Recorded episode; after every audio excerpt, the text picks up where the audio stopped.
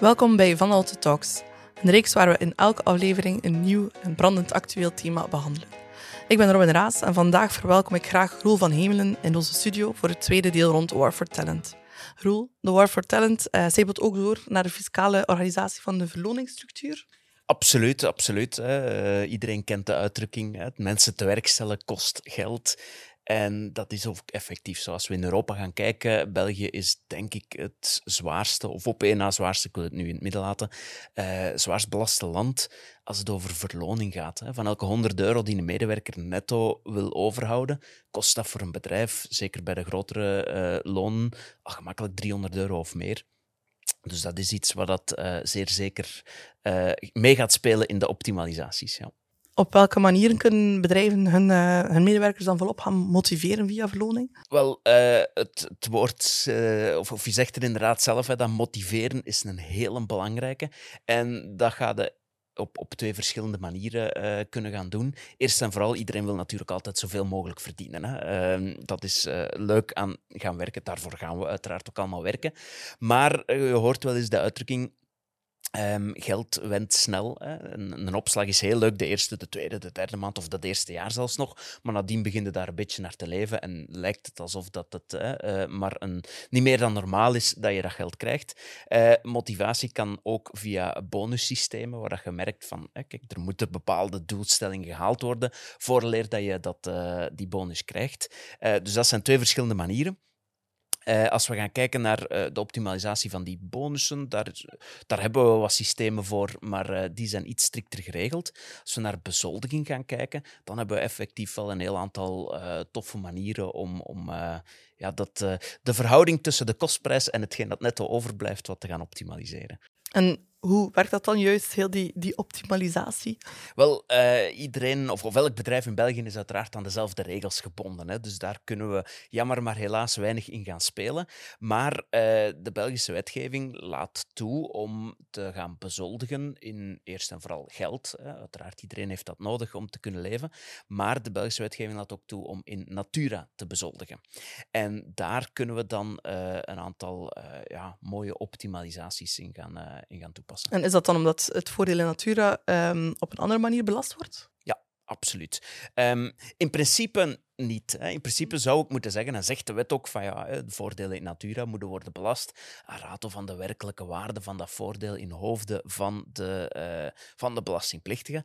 Maar dat is een heel moeilijk gegeven.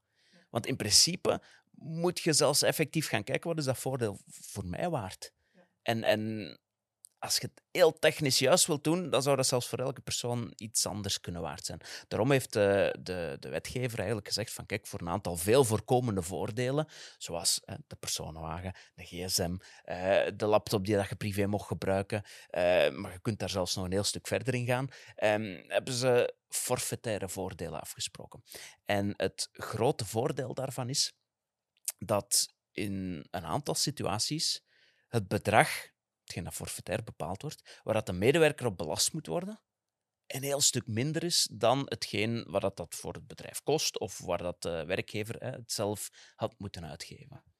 En dat heb je dan uh, door een aantal uh, uh, rulings, is dat ondertussen ook bepaald geweest dat dat uiteraard geen probleem is. Hè. Aan de ene kant noemt men dat soms cafetariaplannen, aan de andere kant noemt men dat soms flexibele inkomensplannen, waarin dat inderdaad bedrijven zeggen van kijk, beste medewerkers, um, hier hebben jullie het budget waar dat uh, dan bijvoorbeeld uh, de bonus of de dertiende maand of, of dubbel vakantiegeld of zelfs een stuk van uw effectieve maandelijkse bezoldiging in wordt gestort. En dat budget kunnen ze dan spenderen aan bijvoorbeeld een upgrade van een auto of wat aankopen van extra vakantiedagen of een bijkomende pensioenstorting. En dat is eigenlijk, of dat gaat ervoor zorgen dat medewerkers hun bezoldiging voor hun eigen persoonlijke doeleinden zo goed als mogelijk kunnen optimaliseren en gaan opvullen. Dus dat mag allemaal, zomaar fiscaal, dat is allemaal oké? Okay. Dat mag. Uh, de rulingcommissie heeft inderdaad al een aantal keren daar rulings over afge, uh, afgeroeld, noemen ze dat, hè, en beslissingen ingenomen, waarbij dat ze effectief zeggen van kijk, fiscale optimalisatie is geen fraude, zolang dat het voordeel voor de werknemers is. Dus de kostprijs moet voor de werkgever effectief wel gelijk blijven. De werkgever mag er geen voordeel aan doen, maar kan op die manier natuurlijk wel hè, de medewerkers uh, heel wat extra netto bezoldiging geven. Ja, en geldt dat ook voor de bonus? Voor de bonus heb ik daarnet al gezegd, dat is een beetje een moeilijke. Um, omwille van het feit dat dat niet recurrent wordt gegeven en dat dat ook niet altijd hetzelfde is. Hè. Dus een bonus, normaal gesproken in de goede jaren of medewerkers die goed hun best hebben gedaan, die mogen, uh, volgens de gewone businessvisie, uh, die mogen een schone bonus hebben. Mensen die het laten hangen hebben of, of er is een slecht jaar en er is uh, geen winst, hè, dan wordt er minder uitbetaald. Dus dat is veel moeilijker om daar tien jaar een voordeel te gaan geven dan daar niet. Dat wordt ja. een heel stuk moeilijker.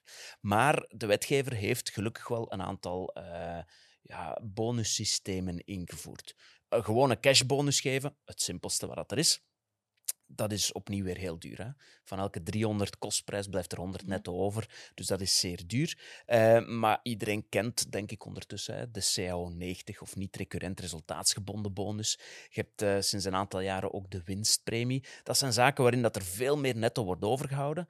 Het nadeel daar is dat dat collectieve bonussen zijn. Ja. Dus daar kunnen wel groepen of, of alle medewerkers samen of bepaalde groepen van medewerkers gaan belonen.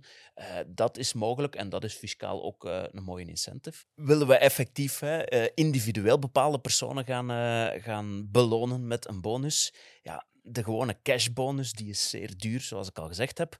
Um, er is dan nog een mogelijkheid om uh, naar warantenplannen, optieplannen te gaan kijken.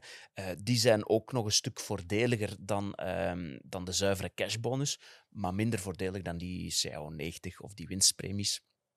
Um, maar daar hangt fiscaal wel een heel uh, ja, staartje aan. Het is te zeggen, dat is een redelijk complex gegeven om goed te gaan opzetten. Maar op zich zijn er altijd mogelijkheden tot optimalisatie. Ja, uh, zeer complex gegeven, inderdaad, zoals u zegt. Het is niet het is simpel. ja, het klopt. Het is een zeer complex gegeven. Zowel die cafetaria-plannen als die flexibele inkomensplan. Eigenlijk is dat hetzelfde, hè, maar dat zijn wat andere namen die dat ze eraan geven. Als het opzetten van die bonussystemen. Daar hangen men noemt dat soms een roos met toornen. Hè? Dus dat is mooi, dat riekt goed, maar daar hangen wat angeltjes aan. Dus zie dat, uh, ja, dat daar heel goede begeleiding in zit. En uh, daar kunnen wij als Van Lanotte uiteraard met heel veel plezier in bijstaan. Oké, dankjewel Ro. Um, wij zijn er graag terug uh, met een volgende aflevering. graag tot dan.